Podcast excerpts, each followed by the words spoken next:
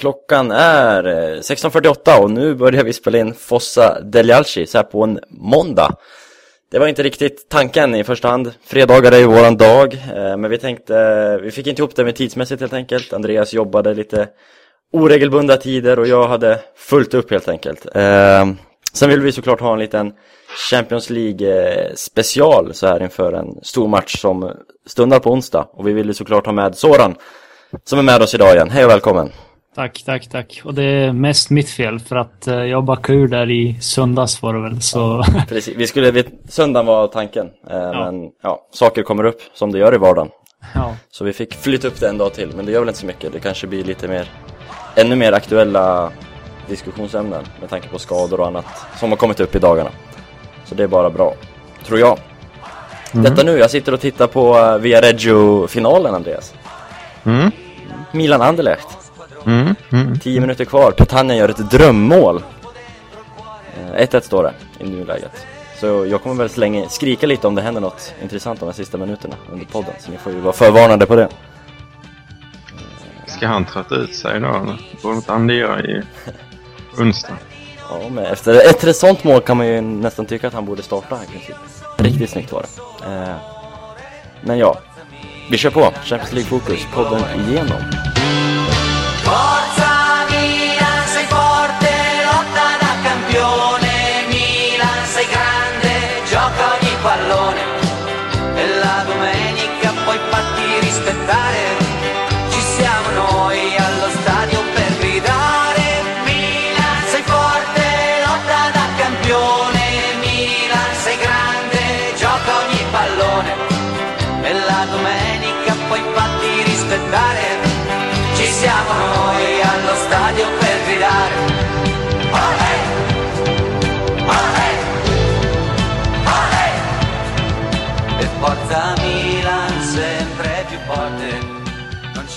Ska vi börja i Spanien tycker jag.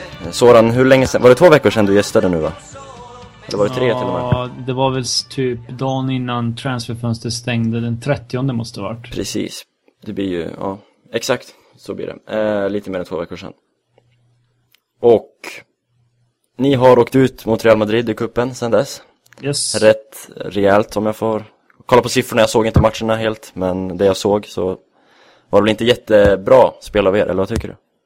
Uh, nej, men samtidigt så när man får de där målen emot sig, uh, framförallt då första Pepes sneda skott som byter riktning och sen går, eh, han lurar Courtois mer eller mindre, han har ingenting att göra på den. Och uh, Jesse som på sätt och vis någonstans petar bollen vidare, en passning som han petar vidare. Och, eh, så, så kommer det under armen på Courtois och det betyder 2-0 på Santiago Bernabéu. Och sen 3-0 är väl en kopia av 1-0. Eh, där man skjuter lite på måfå, Di Maria om jag minns rätt. Och bollen tar på, en, på Miranda om jag minns också rätt. Eh, går förbi Courtois som återigen inte har någon chans. Så eh, slumpmål eh, som, som ja, helt enkelt avgör eh, den, den tillställningen och det dubbelmötet. För i returen så i returen så struntar man i det. Mm. lika, lika bra strunta i det och, eftersom det tar så mycket kraft och framförallt då när Real eh, har så, så, så sjukt bra bredd också. För att, eh, får inte glömma bort också att Real Madrid har eh, ja, nästan 200 miljoner plus eh, en, världs, en målvakt i Casillas som har vunnit VM och EM, EM två gånger eh, mm. på bänken som de kan använda sig av när, när det börjar krisa. Så lite, lite skillnad i förutsättningar som vi också var inne på i förra gången vi gjorde podcasten. Yes. Sen ligamatchen senast, ni vann mot Valladolid vill jag komma ihåg. Yes, 3-0 eh, blev det till slut och det var väl egentligen inget snack. Eh, två mål inom loppet av fyra minuter eller var fem minuter. Och ja, tillbaka till det man, till det man har gjort eh, fram tills de här tre matcherna mot Real Madrid två gånger om och Almeria på Estadio de los Mediterraneos. Arenanamn, fina arenanamn gillar vi Andreas. Mm. Stadio Atleti Azzurri finns det ju i Bergamo. Absolut. Eh, väl ja, parentes. Mm. Jag kan tillägga att jag kollade ju lite Atletico för att scouta dem, men jag slog av efter fyra minuter när det stod just 2-0. Kändes inte så uppiggande för, för vår del. Nej. Ja, det, det var min kommande fråga, för jag vet att du twittrade om det. Men du kollade alltså bara fyra minuter? Ja. Det tog ju lite längre tid än för oss eh, att få hål på, um, på Bologna. Mm. Eh, 87 minuter tog det, vill jag minnas. Men som... Det var värt att vänta de där 87 minuterna på det där målet, tycker jag. Eller vad tycker du? Mm, jo, det, det kan man säga. Det blir faktiskt vackrare varje gång man ser det nästan. Det, um, just att han, han står liksom stillastående och, uh, och, och får till ett sånt skott på, uh, ja vad var det, 90 plus kilometer i timmen och uh, 39 meter ut. Mm. Det löjlig båge alltså, ja. skottet. riktigt, riktigt drömmål och hade det inte varit för Emerson i Livorno, inte blandat ihop med Il Puma eh, gamle Real och Milan-spelaren och Roma och Juventus, allt han var i. Eh, men Livorno-backen drog ju till med ett ännu snyggare drömmål, i alla fall längre ifrån. Eh, senare dagen efter, så ja, det görs mycket snygga mål nu i, i Serie A. Men ja, spelet imponerar inte Andreas mot, mot Bologna. Det gör ju inte det. Um, så vet jag inte hur, hur stort fokus det var på matchen. Det verkar inte vara sådär överdrivet. Cedorf, Cedorf sa ju inför innan, likt Simeone, att det var en match i taget. De hade inte börjat prata om Champions League utan det var bara fullt fokus på Bologna. Det är ju skitsnack. För alltså det bara en sån sak som uh, att vi spelar SEN um, de Jong mot Napoli. Mm. Det var ju ingen annan motivation där eh, att bänka Montolivo än att Essien och de Jong skulle få träna sig och spela mot eh, Atletico Madrid för, eftersom Montolivo är avstängd. Mm. Det, det, är ju nästan sjukt att, eh, att um, experimentera på det viset mot Napoli. Liksom. Det visar ju ganska tydligt var prioriteringen ligger på Milan och det är inte riktigt uh, samma stuk som man kör i Atletico, att man tar en match i taget, utan det är den här matchen som gäller till alla pris. Ja, det är ju det är så tydligt, de är exakt det du sa, det där med Essien och de Jong, det har de ju ordagrant sagt att det är för Champions League-matcher. Mm. Eh, bara faktumet att Essien värvas in är ju enbart för Champions League. Mm. Och så vidare, alltså det är ju den här matchen som gäller. Som bekant. Men mot Bologna fick inte Essien spela. Nej, han vilades kanske. Nej, det gjorde han inte. Vad tror du det beror på? Uh, ja, mycket svårt att spekulera i. Men eh, han var ju inte bra, det ska man ju säga. Nej. Eh, mot Napoli. Ja, jag har faktiskt ingen tanke där. Vad tror du själv? Ja, eh, att det kanske är viktigare med en seger i ryggen eh, än att spela ihop de två tillsammans. Mm. Mm. Och just för att Montolivo är bättre spelare än Essien i dagsläget. Tror jag, så enkelt. Så kan det mycket väl vara. Eh, Soran. Yes. Ni har eh, fått lite nya skador va, vill jag, vill jag veta, eller? sen, förra, sen du var med sist alltså? Alltså det sjuka är ju att eh, de spelar ju sju matcher, eller vad det var, sex matcher sen sista gången vi, vi gjorde podcasten. Och de har dragit på sig en skada per match och det är väl inte så jävla bra inför vad som, ska, vad som ska komma här. Och några riktigt viktiga veckor i februari och eh, framförallt då i mars kommer också väldigt viktiga matcher. Eh, men eh, Felipe gick ju som sagt sönder, det gjorde han ju innan, innan vi spelade in förra gången och eh, men han är på väg tillbaka eh, och han kommer antagligen komma tillbaka inom loppet av 15 dagar maximalt 15 dagar. För det är nästan så att eh, Cholo vill ha honom till Osasuna nästa helg. Eh, så det är mycket möjligt att han är tillbaka till Osasuna.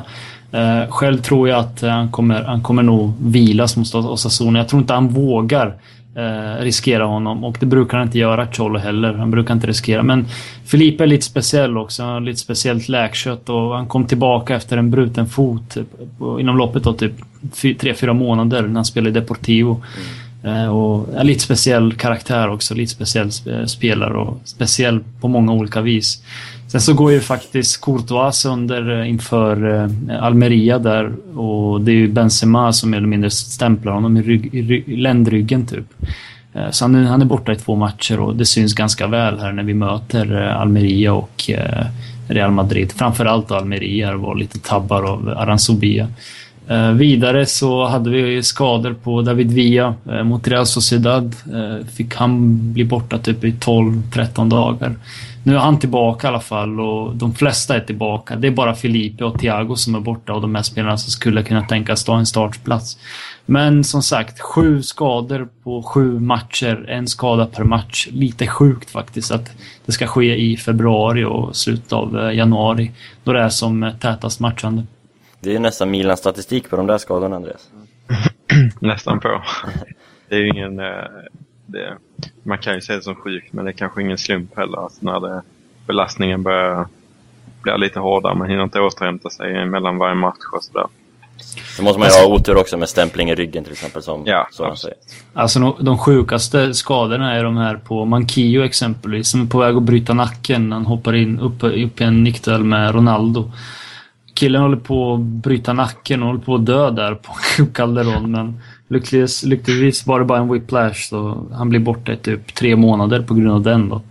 Eh, så nu står vi där med en högerback. Eh, möjligtvis Alderweireld kommer spela där eh, ifall det verkligen krisar. Men vi har i alla fall Juan Fran tillbaka och jätteviktigt om Felipe kan komma tillbaka också här inom, inom kommande dagarna, kommande veckorna så att säga. För det är en spelare som är extremt underskattad och som ger Atletico en helt annan en helt annan kvalitet i anfallsspelet och som är extremt bra defensivt också. Jag eh, tycker själv att han är en av världens ja, topp tre eh, ytterbackar. Eh, topp tre vänsterbackar i alla fall. Mm. Ja, det säger inte rätt. Det säger mycket. Mm. vad tänkte mm. jag säga? Eh, Thiago, han, eh, som du säger, en eventuell startplats på honom. Vem tror du ersätter på innermittfältet? Alltså startelvan kommer bli Courtois i mål, eh, Jean-Fran höger, eh, eh Miranda går, till, går, går in i backlinjen tillsammans med Godin. Eh, Alderweireld spelar senast där mot Valladolid eh, och mot Real Madrid. Och så vänsterbacken spelar in Soa. Det är där vi har lite problem just nu för att Insoa kommer inte riktigt in i det här. Eh, knappt spelat på sistone och eh, ja, man får inte spela när Felipe är frisk helt enkelt. Så bra är Felipe. Eh, och där kan vi ha, kan jag tänka mig att vi kommer ha lite problem eh, på, på vänster, vänsterbacken. Men då gäller det att man är bra som kollektiv i försvarsspelet.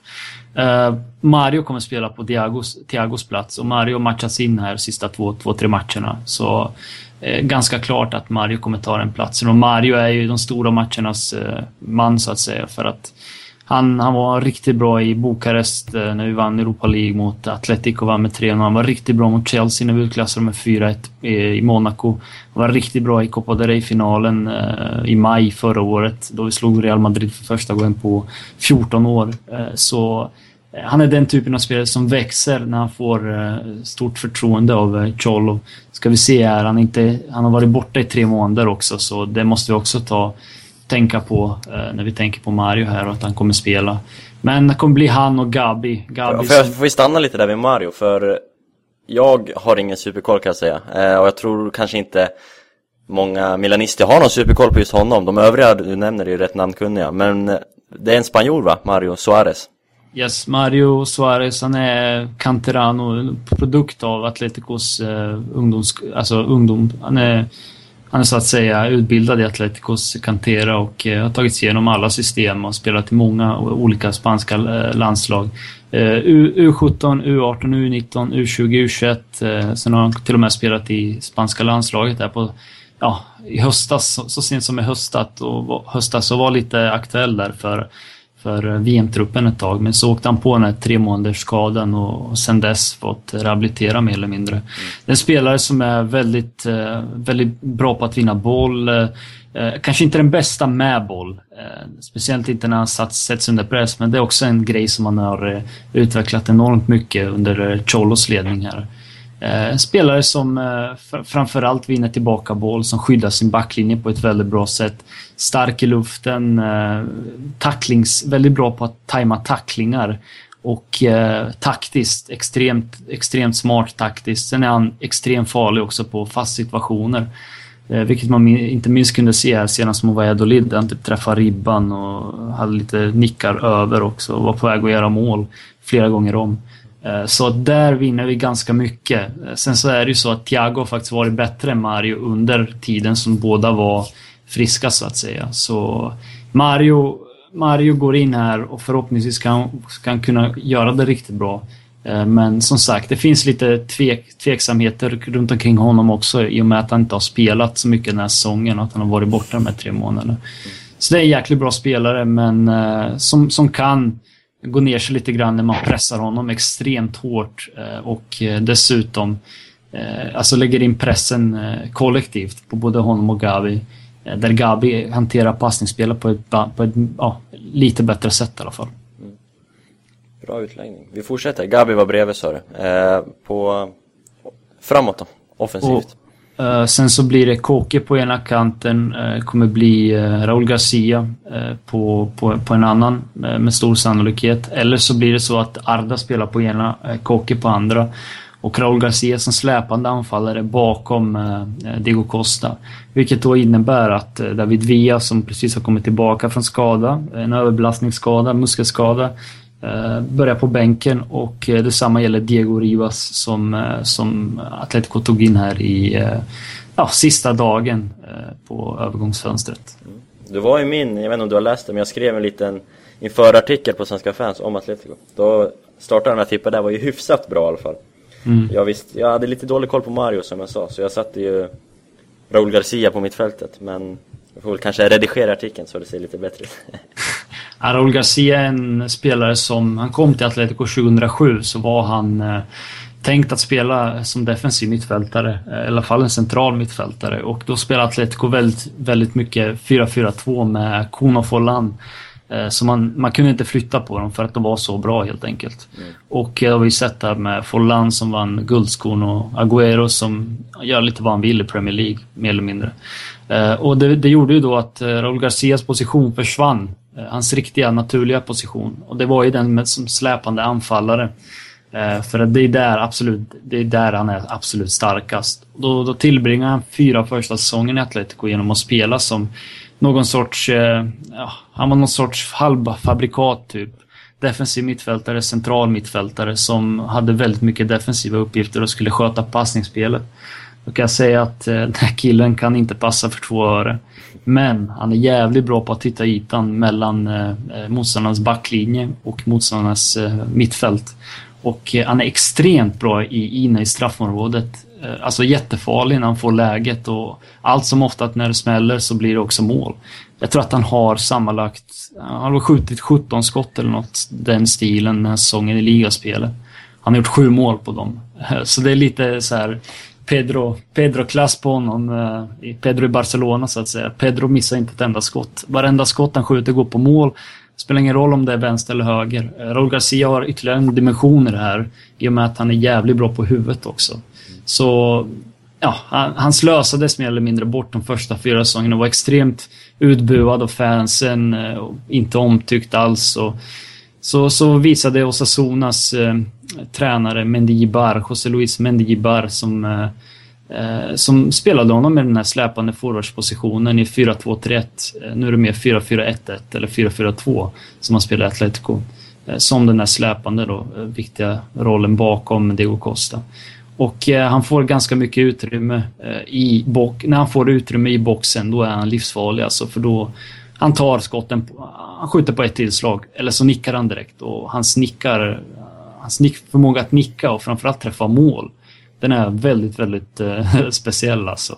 Under en match kan han typ vinna så här 10 nickdueller, vilket är väldigt imponerande faktiskt. Andreas? Mm. Eh, där har vi startelvan. Mm. Något? Det... Ja, nej, kör.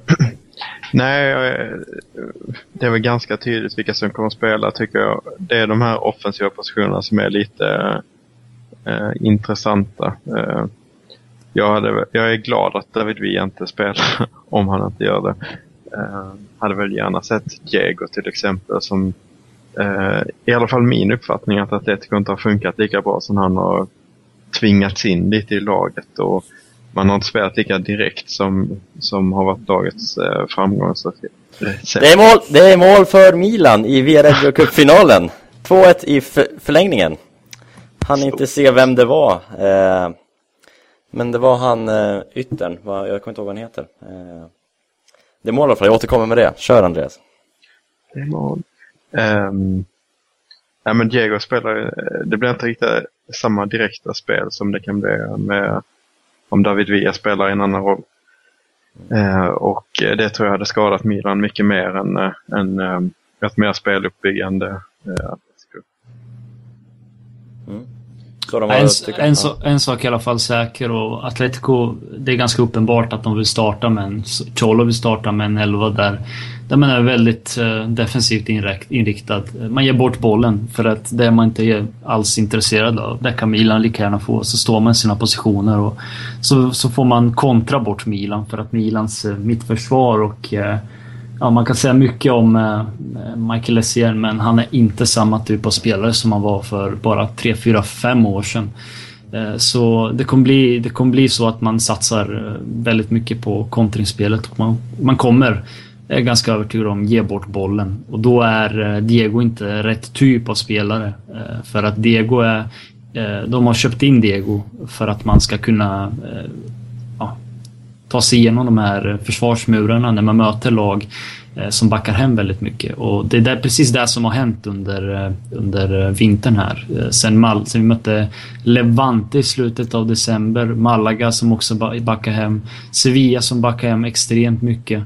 Eh, Valencia till viss del som ändå var ganska mycket spelförande i vissa av de här matcherna så, i Copa del Rey så att säga. Eh, så Diego är inköpt för att han ska kunna luckra upp de här försvaren när det verkligen behövs. Eh, man måste gå framåt.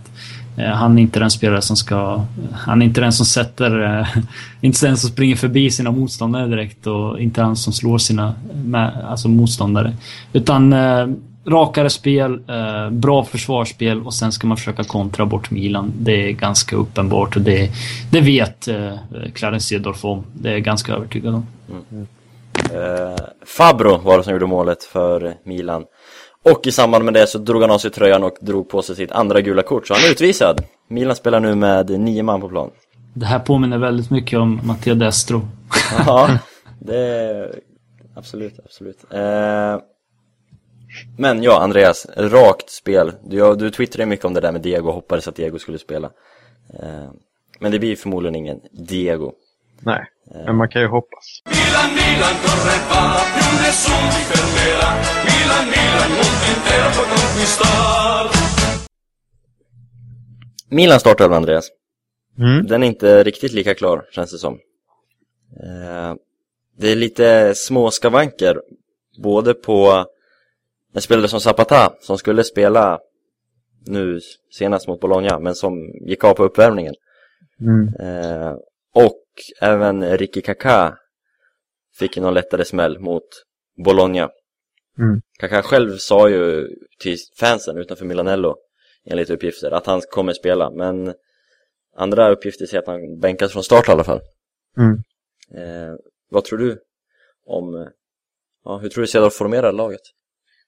Eh, vi kan ju säga att det är framförallt eh, Sabotage känns som ett ofantligt tungt tapp eh, med eh, det här som eh, Soran säger att vi eh, att de kommer satsa på kontringar så hade det varit väldigt skönt att ha någon spelare som är relativt snabb i backlinjen. Eller som är väldigt snabb. Det ska vi göra. Um, Zapata, Abate, De Chilio i backlinjen så känns det ändå rätt så bekvämt att, att ligga lite högre och kunna avvärja kontringar med deras snabbhet. Eh, eller bekvämt, men det känns inte riktigt lika jobbigt som om det är Bonera som ställer upp som det ryktas om, eh, förutsatt att Sabatan skulle bli frisk. Eh, Sabata känns ju som en nyckel i det här försvaret om man ska spela på det sätt som Cedof gör med den väldigt höga backlinjen. Så det är bara, jag har liksom ingen, eh, ingen input på om han kommer spela eller inte, men jag hoppas verkligen att han gör det, för det är en väldigt viktig faktor för matchen. Kaká eh, hade varit bra om han kom, eh, kunde spela liksom för att det är en väldigt bra spelare, men eh, det är inte vikt, riktigt lika viktigt som Zapata. Och, eh, eh lite som vi har varit inne på tidigare med Polly som en i en av de offensiva positionerna. Känns inte helt omöjligt, känns inte eh, som att det skulle vara så himla dåligt. Utan det kan nog vara en, eh, en idé. Eh, givetvis inte samma egenskaper som Kaká, men mer eh, defensivt inriktat och kan ta defensiva löp som skyddar. Djupledslöp framförallt. Ja, djupledslöp absolut. Och, um... Mål! Nej, mål igen! 3-1! det är 3-1 i Viareggio-finalen. Ja. Pauli. Mycket fint. Eh, som, som kan skydda då de, de Jong och, och Montari som inte är de snabbaste. SCN så, menar du? Ja, SCN, förlåt. Montari eh, avstängd. Ja, Ganon som Ganon. Eh, så det, det känns inte som någon katastrof att spela med honom och då ryktas det också som eh, Tarapt. Eh, det är väl sådär. Men, men det ryktas ju om Balotelli på en kant. Mm. Och Pazzini från start. Det känns väldigt spännande och eh, om Kaká skulle starta på bänken så har vi ändå Kaká att slänga in som offensivt medel om det skulle behövas för att förändra matchbild och sånt där. Ingen renodlad anfallare på bänken men vi har ändå Kaká. Mm. Uh, Tarapt, de hyllade ju du lite Soran, eh, sist du var med. Och han har ju, han gjorde ju mål i debuten och har varit bra i offensiven i alla fall. Lite väl divig kanske, men han har ju gjort sin gubbe både en och två och fem gånger. Alltså det är, det är typiskt en spelare som, som den, den typen som Milan kanske behöver som allra mest i anfallsspelet. En spelare som kan gå förbi sina motståndare helt enkelt. Sen är inte han världens bästa och han kanske tror lite för mycket om sig själv men det är absolut inte någon... Det är absolut inte typ eh, eh, Faubert när Real Madrid värvar honom av någon anledning från West Ham. Så det, det finns ändå kvalitet i, i Adel Tarap. Det gäller bara att få, honom, få hans huvud på rätt, på rätt ställe så att säga. Så att han presterar. Så att han inte är den här galningen som man, som kan, som man kan vara emellanåt. Så det är klart, det, det, det är en helt okej värvning och även om man kanske inte trodde det från början när man tänkte på Milan och eh, Adel Tarabt så är det ändå en spelare som kan bidra med något och det är absolut viktigaste. Vad tror du om eh, en eventuell duell mot Insua för honom? Eh, jag tror, jag tror att Balotelli mot Insua skulle vara bättre för Milan för att Insua eh, har inte varit så bra en mot en och eh, jag tycker att Balotelli är eh, betydligt, betydligt vassare individuellt och kan slå sin gubbe på ett bättre sätt. Sen är ju Adel Tarapte mer utpräglad ytter, yttermittfältare så det kan också vara ett alternativ. Eh, men det är ganska uppenbart att eh, Cholo kommer nog stärka, stärka upp den kanten ganska mycket. Eh, och framförallt så blir det väl, skulle väl tro att det blir typ tre mot två lägen eh, ganska ofta på just den kanten. Eller så blir det väldigt crowdat på just, på just vänsterkanter om nu Clarence Cedorf bestämmer sig för att han ska försöka öppna upp Atletico, eh, framförallt genom då eh, Insuas kant. Sen så, sen så är det så här också att jag tror att Milan kommer skjuta en del utifrån för att locka ut Atleticos backlinje. Eh, för det gjorde Real Madrid och eh, det är det som det ofta är så här i, inom fotbollen. Man ser en liten trend och sen, sen använder man sig av den trenden för att försöka eh, ja, få det till sin fördel så att säga. Och jag har sett också att Milan har gjort mängder av mål utanför straffområdet den här säsongen. Ni är väl uppe i typ 15 eller något i den stilen den här säsongen. Andreas, har du svar på det? inte, jag har inte siffrorna i huvudet, men det känns ju absolut som en lösning. Eh, tyvärr så har vi inte Montolivo och Montari som, som har bra skott utifrån på de eh, positionerna som förmodligen kommer få skottlägen. Men eh, SCN har ju stängt in ett eh, och annat långskott i Champions League tidigare så man kan ju hoppas på det. Balotelli kan ju det där också. Han kan väl det där. Ställa in siktet i fredags.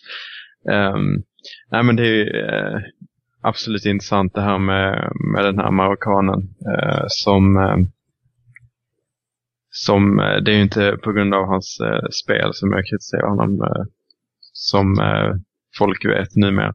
Men, eh, och han gjorde det bra, alltså målet mot Napoli är ju en eh, riktigt fin prestation. Så att han kan säkert tillföra någonting, det kan han ju. Um, ja, det, det känns ändå spännande tycker jag med, med eh, Balotelli och Pazzini tillsammans och Balotelli på en kant och marockanen då på den andra så, så kan man ju skapa ett och annat. Mm. Uh, Ja, eh, vi pratar om eh, ingen anfallare på bänken. Vi kan ju ha Petagna på bänken. Som i detta nu gör en av de bästa insatserna jag sett alltså. Han är riktigt, riktigt bra i nuläget. Eh, och han är ju med, han är upptagen i, skriven på B-listan, så han får ju sitta på bänken och spela i Champions League. Så han kommer säkert sitta på bänken. Vilket är ett rätt bra alternativ. Visst är det det. Sen är det lite annorlunda att möta uruguayanskt stål och spela. och Anderlecht. Ja, precis. Det är, sant, det är sant. Men han är ett alternativ i alla fall. Mm, så är det. Eh. Hur tänker du själv kring uppställningen?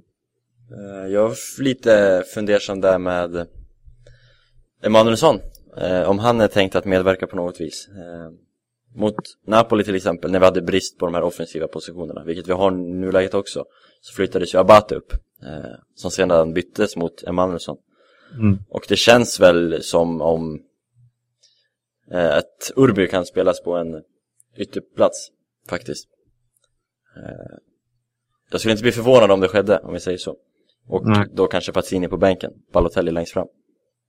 Det tror jag definitivt är en, det är en lite mer defensiv och lite ja, en annan, annorlunda uppställning som jag tror är möjlig. För jag vet inte riktigt hur mycket en Balotelli och Tarab kommer jobba hem.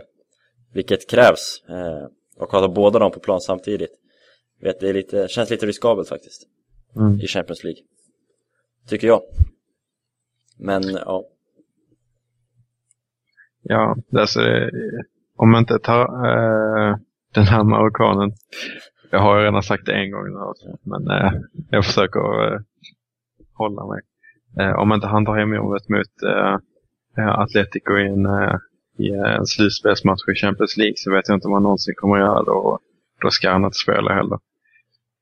Um, Balotelli har väl lite mer förlåtelse för av någon anledning men han har ju mer kvalitet. Um, så jag hoppas verkligen att, uh, att den, uh, han kommer att jobba hem och jag tror att han kommer att göra det också. Uh, men jag tycker i alla fall Emanuelsson skulle vara intressant om man spelar Pazzini också. Eh, problemet är väl att Balotelli och Emanuelsson konkurrerar någonstans på samma position. Är, Urbe har ju placerats på högerkanten, både av Allegri och senast nu av Cedorf också. Mm, ja, av, någon, av någon anledning har de ju det. Är inte Balotelli vill väl spela på vänsterkanten, tror jag, mm. om han mm. spelar längre ner. Ja. Då är det kanske, ja, Paul eller Tarapti i så fall. Mm. Ja, det är intressant. Och vi får, vi får se hur Cedorf väljer att göra. Ja, oavsett så skulle ju Emanuelssons fot, eh, inläggsfot till eh, Platini vara intressant. Men... Eh, något jag reagerar mycket på Soran, eh, när du drog eh, Atletico startelva. Många som är starka på huvudet, säger du. Många som är starka på huvudet och eh, Atletico är ett jävligt bra lag på fast situationer också. Jag eh, tror att laget har gjort 21 mål eller något i den stilen den här säsongen på fasta. Av 87 sammanlagt. Något det... som Milan inte är... Eh, de har för sig spelat upp sig rätt mycket. Det var länge sedan jag släppte in på fast nu vill jag minnas. Men vi har de senaste två, tre åren varit extremt usla på fasta och på huvudspelet. Jo, jag vet. Min bror brukar säga det. Han håller nämligen på Milan och han blir helt galen eh, när Milan släpper in mål på fasta. Ja. Speciellt då, då det var en styrka eh, under Ancelotti. Och framförallt där 2007 eh, när man gick och vann Champions så var man extremt bra på fast situationer, speciellt i det offensiva straffområdet. Men jag tycker att Milan har blivit bättre på det. Speciellt med Adil Ramis intåg. Mm. Och det, det är en spelare som, som är väldigt stark i luften, som som, eh, som framförallt är eh, väldigt bra på att komma situationer inne i straffområdet. Eh, eh alltså i motståndarnas straffområdet på fasta hörner framförallt då. Eh, vilket han har gjort mål mot Atletico också på. I Valencia så gjorde han mål på 4-2 matchen i Europa League där det gick vidare till final. Och sen måste han upp mål med 2-0 matchen när vi förlorade där också. Så varje gång han har gjort mål så, så har eh, Atletico förlorat mot just hans lag. Så det, det är klart, det, det, är något som Atletico också är väldigt medvetna om att eh, Milan har vissa bra spelare på huvudet. Men eh, Atletico har, skulle jag vilja säga, ännu fler bra. Vi har Miranda, vi har Godin, vi har eh, Mario som är riktigt bra på, på huvudet. När, när han verkligen får ett bra läge så brukar han också sätta dit dem.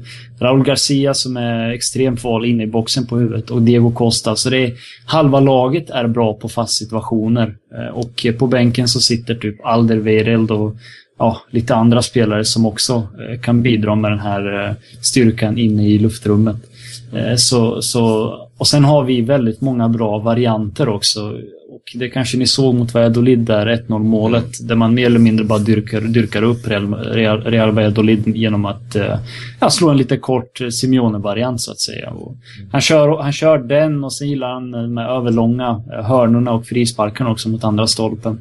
Han, är, han har typ en bibel med, med fast situationer som han eh, praktiserar på, på träningar och själv varit nere på Machada Honda och kollat på när de tränar just de här. Och de står och nöter en halvtimme eh, efter träningarna. Så att Atletico är bra på fasta, det är väl eh, det är ingen större, det är ingen större överraskning. I alla fall sedan Cholo kom. För att Förut, innan Cholo, så kunde vi typ uh, bita naglarna och ja, vi var helt galna när det blev en hörna. För att vi visste att det var i stort sett 100% i målchans för, till motståndarna så att säga. Men uh, sen Cholo kom då så har Atletico bara släppt, ja, jag tror inte vi har släppt in ett enda mål på en fast situation direkt. Inga hörnor i alla fall, vad jag kan komma ihåg. Förutom den här korta som spelades in när Almeria gjorde sitt mål, eh, lobbade Aranzubia. Men som tur är så står inte Aranzubia mot eh, Milan. Nej, jag är, eh, jag är rädd för hörnorna och för frisparkar, Andreas. Mm. Hur känner du? Nej. Inte rädd? Is, iskall. Vi ja. har Rami, så eh, det är franskt stål. Det vet man ju är bra grejer. Det som också är intressant är att Atletico har väldigt många eh, bra frisparksskyttar också eh, när det gäller att få in bollen i boxen. Eh, hörn, hörn, hörnsparksläggare också. Det finns en Kocke som verkligen har utnytt, utnyttjat att Cholo är i klubben och verkligen blivit bra på det här. Från, från början var han ju inte ens någon frisparkstagare eller en hörn, hörntagare. Så han har fått väldigt många assist genom att slå de här hörnorna på ett väldigt bra sätt. Eller frisparka in i boxen. Så finns Gabi också tillgänglig eh, på planen och de som kommer starta med stor sannolikhet. Och Diego då som till och med fick en assist där senast eh, mot eh, Valladolid när Godin nickade in 3-0. Mm.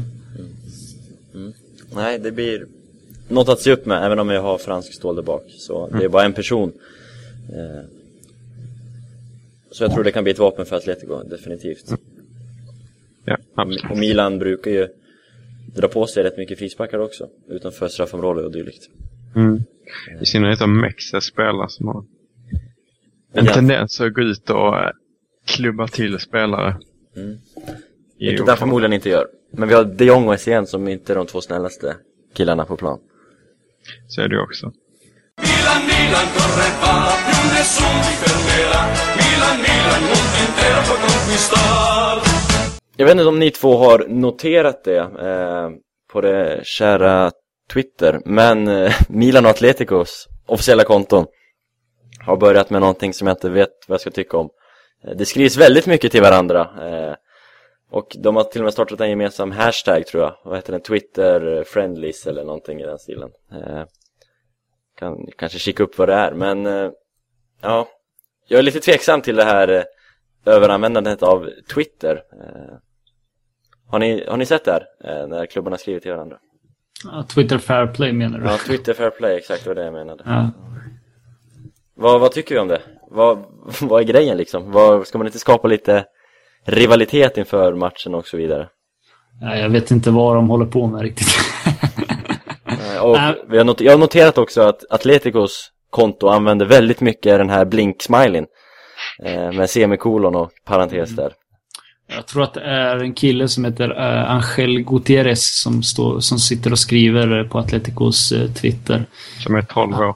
Nej, han, uh, han är fotograf med. Så att jag, tror mm. att, jag tror att det är han. Jag är inte säker.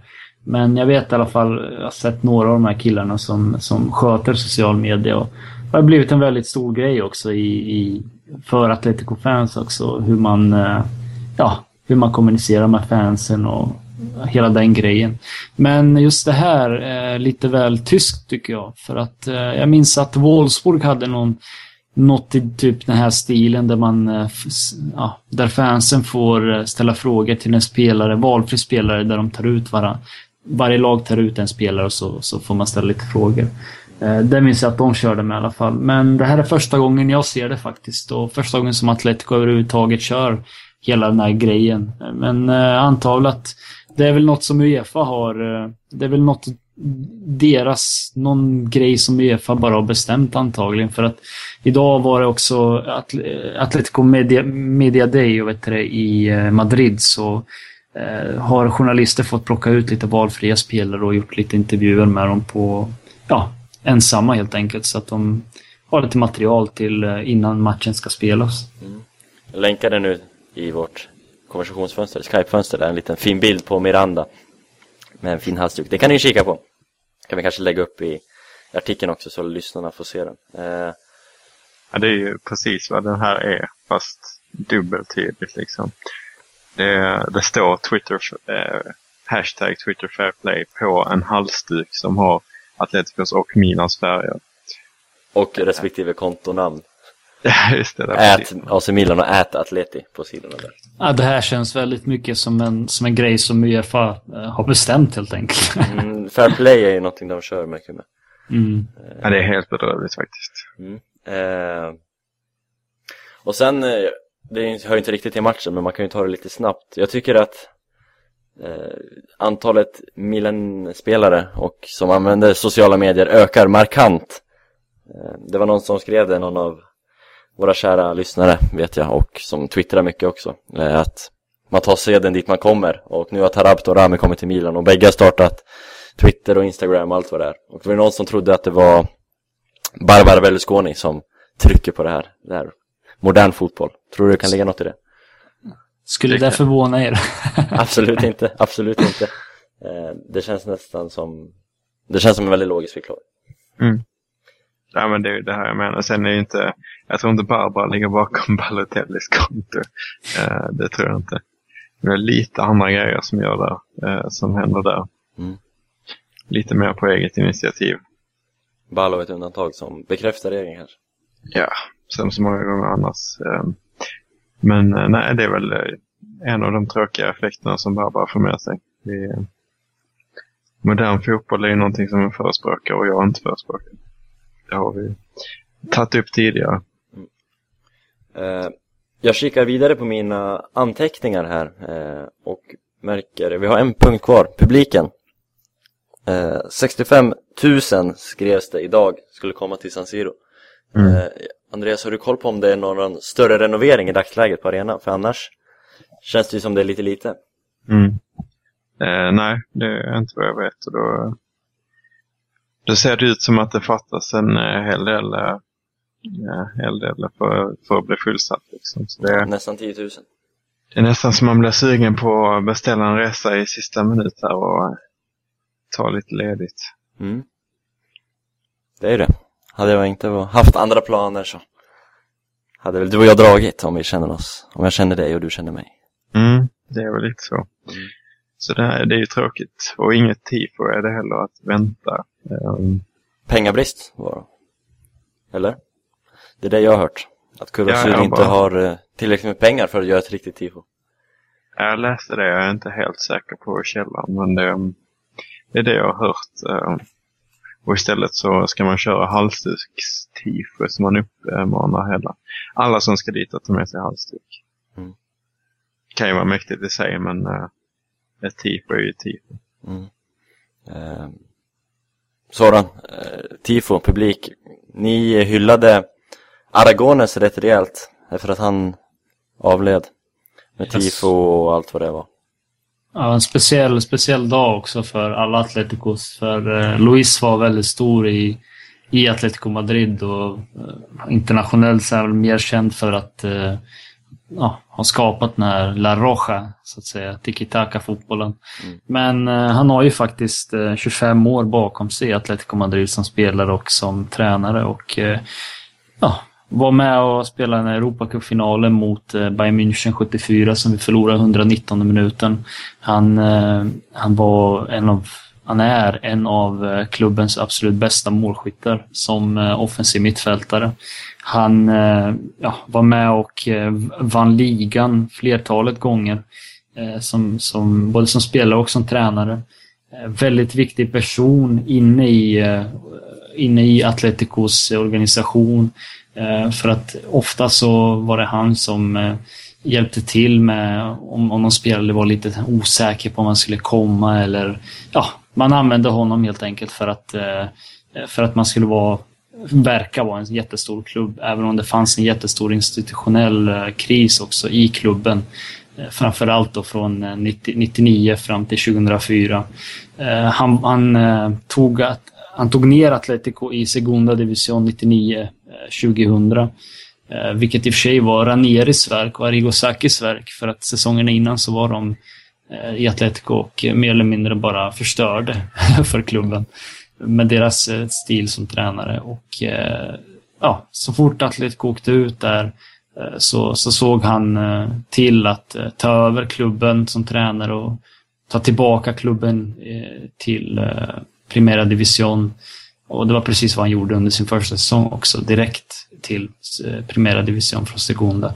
Så det är, det är, en extremt viktig person också som väldigt många identifierar sig med, som, stå, som står eh, som alltid har försvarat klubben, eh, både i vått och torrt och aldrig var rädd för någonting utan Atletico Atletico var, var och är en stor klubb enligt honom och som väldigt många har tagit med sig också, just det att Atletico är en stor klubb.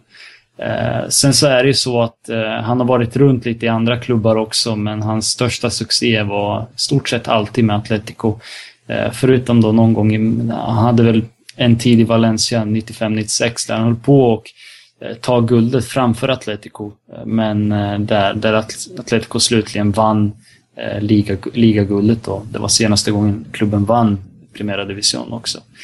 Så det är en person som är väldigt viktig, inte bara för eh, spansk fotboll, för han är extremt viktig för spansk fotboll. Och som sagt, det var han som bildade den här identiteten, tiki-taka-fotbollen, som inte har funnits eh, längre än typ 2006, eh, eller när det var, när det var då Spanien förlorade mot Sverige där på Ros Råsunda.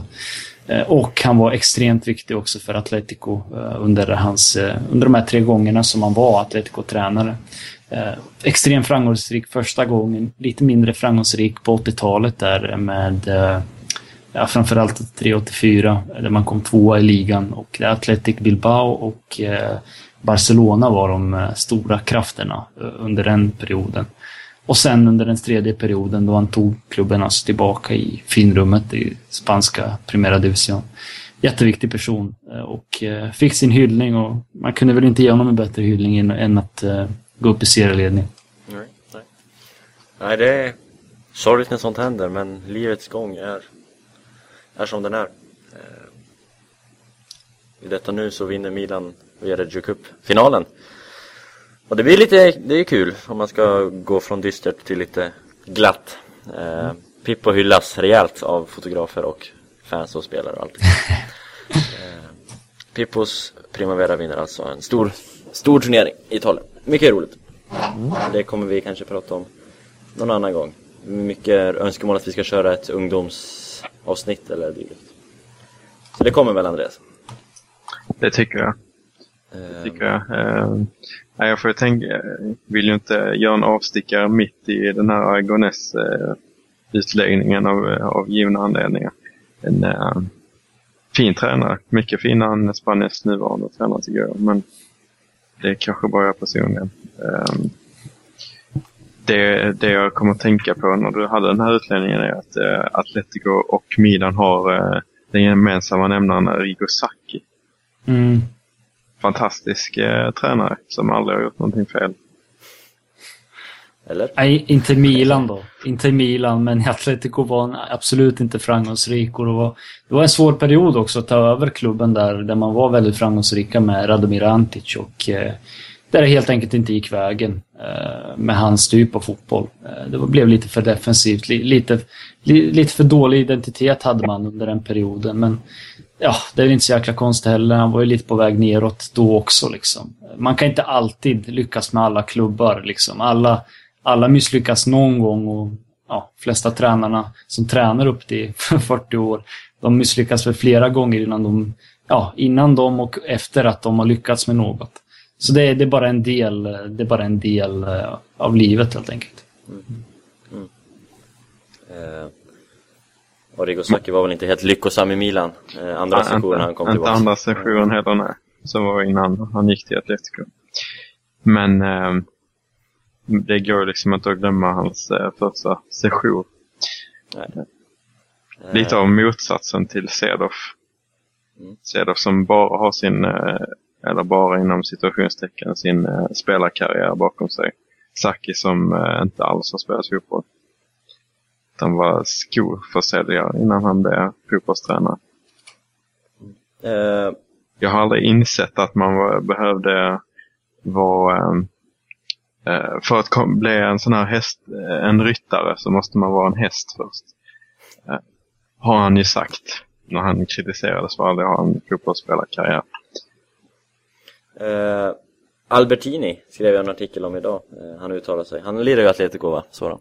Yes, han gjorde faktiskt ett riktigt fint mål mot Real Madrid i derbyt. Och eh, vad var det idag han snackade med Ass? Han gjorde någon intervju med Ass eh, i Spanien. Och där han mer eller mindre bara eh, pratade om eh, just den frisparken som han slog mot Real Madrid i den 94 eller var det 95 i derbyt 2002 eller 2003 om jag minns rätt. Upp i krysset där.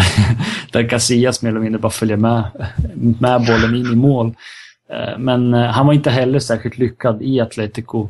Men han gjorde ändå, ändå, gjorde ändå vad han, vad han kunde och det var ändå slutet av hans karriär. Liksom. Och Atletico var en extremt svår situation då för att då hade man massa rättsprocesser emot sig och eh, inte så konstigt att man inte lyckas eh, eh när man är på väg ut för som spelare och dessutom kommer till en klubb som, är, som inte var särskilt eh, stabil just då.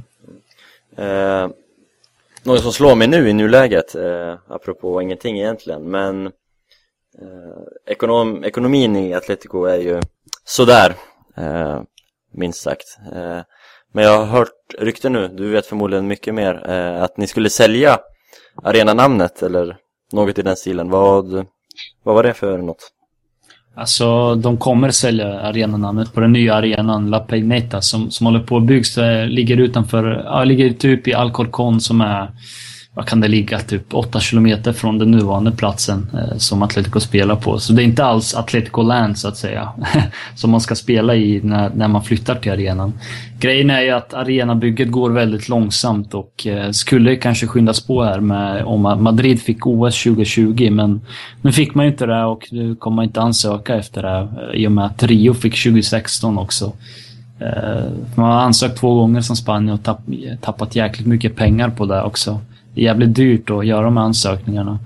Eh, men arenanamnet kommer definitivt att säljas för Atletico har inte råd med att inte sälja ut sitt arenanamn. Och det är ju en, det är verkligen modern fotboll, men samtidigt så är det också så att eh, om man ska överleva i den här, i den här typen av klimat som, som för närvarande råder inom den moderna fotbollen så måste man ju på något sätt eh, få inkomster och eh, det är det bästa sättet då. 155 miljoner ryktas det om. Det är väldigt mycket pengar för Atletico som har en skatteskuld på bara typ 150 miljoner. Eh, eller om det var 120 nu. Eh, de, de, de är inte så transparenta med det här i Atletico utan eh, Ja, exakt. Det är ganska roligt, men det är så det funkar i alla fall. Och, nuvarande ledningen är det ingen som vill ha kvar för att det, kan, det kanske går bra på plan, men faktum kvarstår ju att de tog över klubben på ett, på ett olagligt sätt i och med att Eh, Jesus Schill då som eh, tog över 87, mer eller mindre bara, ja, vad ska man säga? Han mer eller mindre bara gav bort eh, klubben när den gick i Gilmarin som är hans son, en av fem söner tror jag, och Enrique Cerezo som är filmproducent, president i Atletico.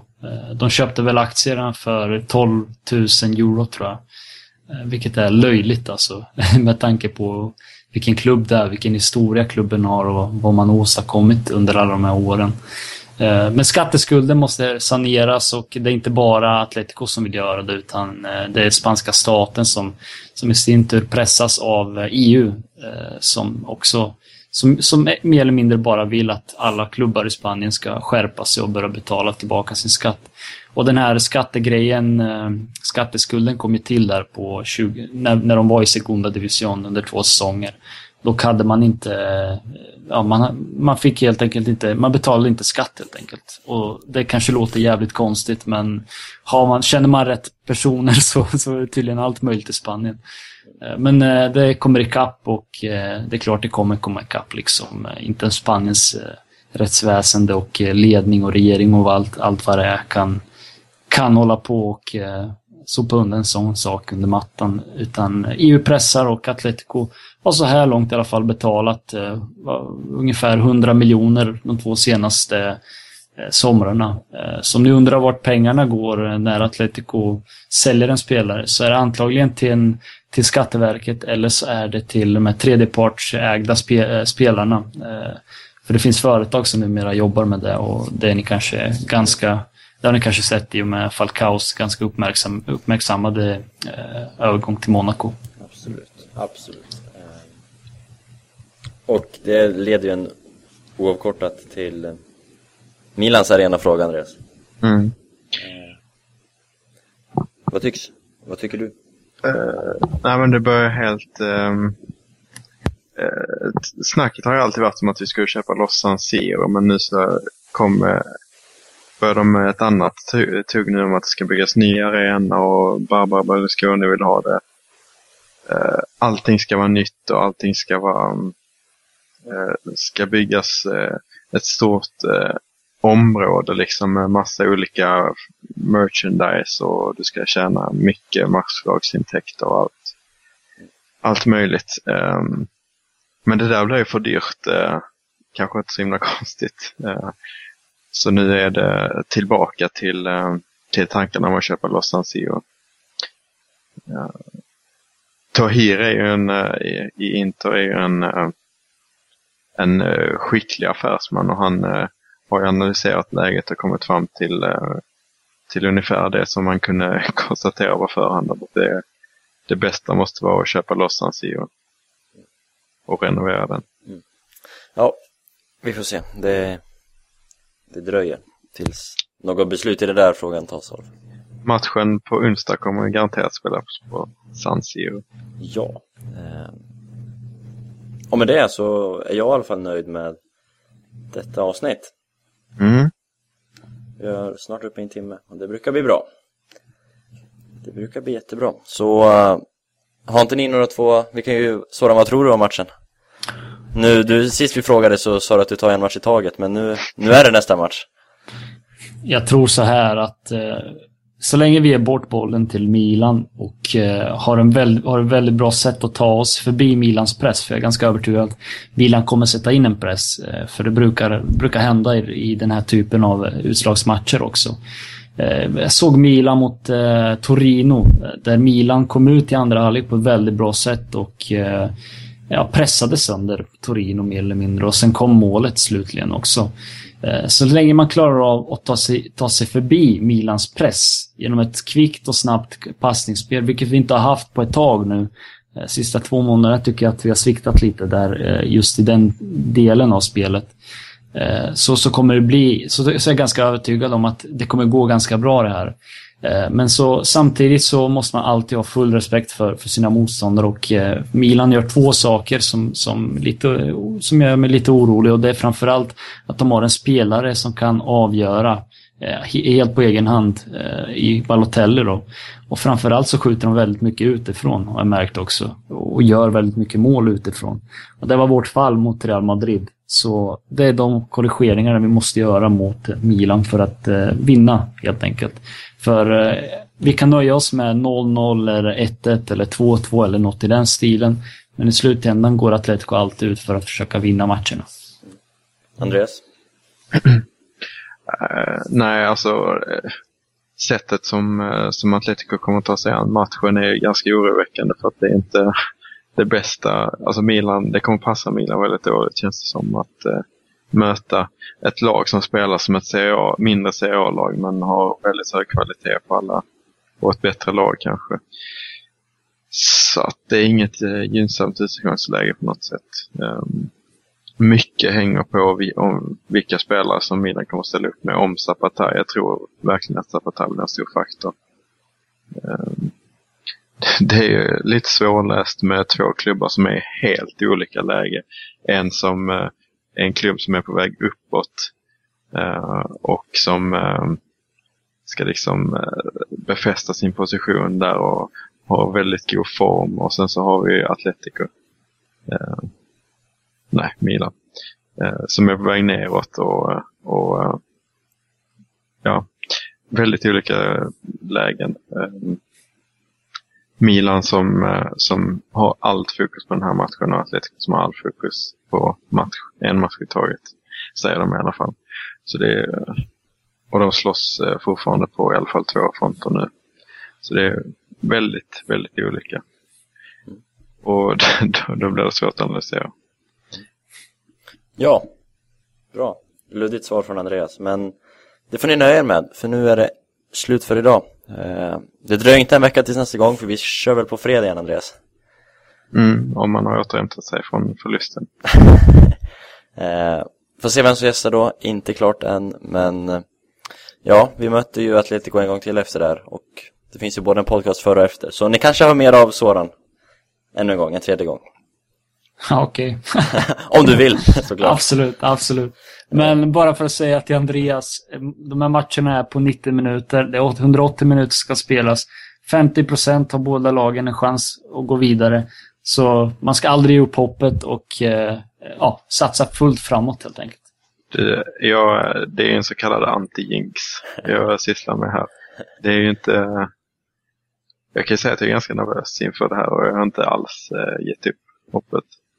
Men eh, ja, hur fan, det är, helt, det är helt sjukt där alltså. Det är ju bara en match vi har på hela säsongen. Och så, så, ja. Två. Ja, det, är, det är jobbigt. Ja. Bra, nerver. Eh, onsdag 20.45. Be there eller be i soffan och titta. Tack för att ni har lyssnat. Vi hörs på fredag. Hej då. Mm, tack. Ciao. Hej.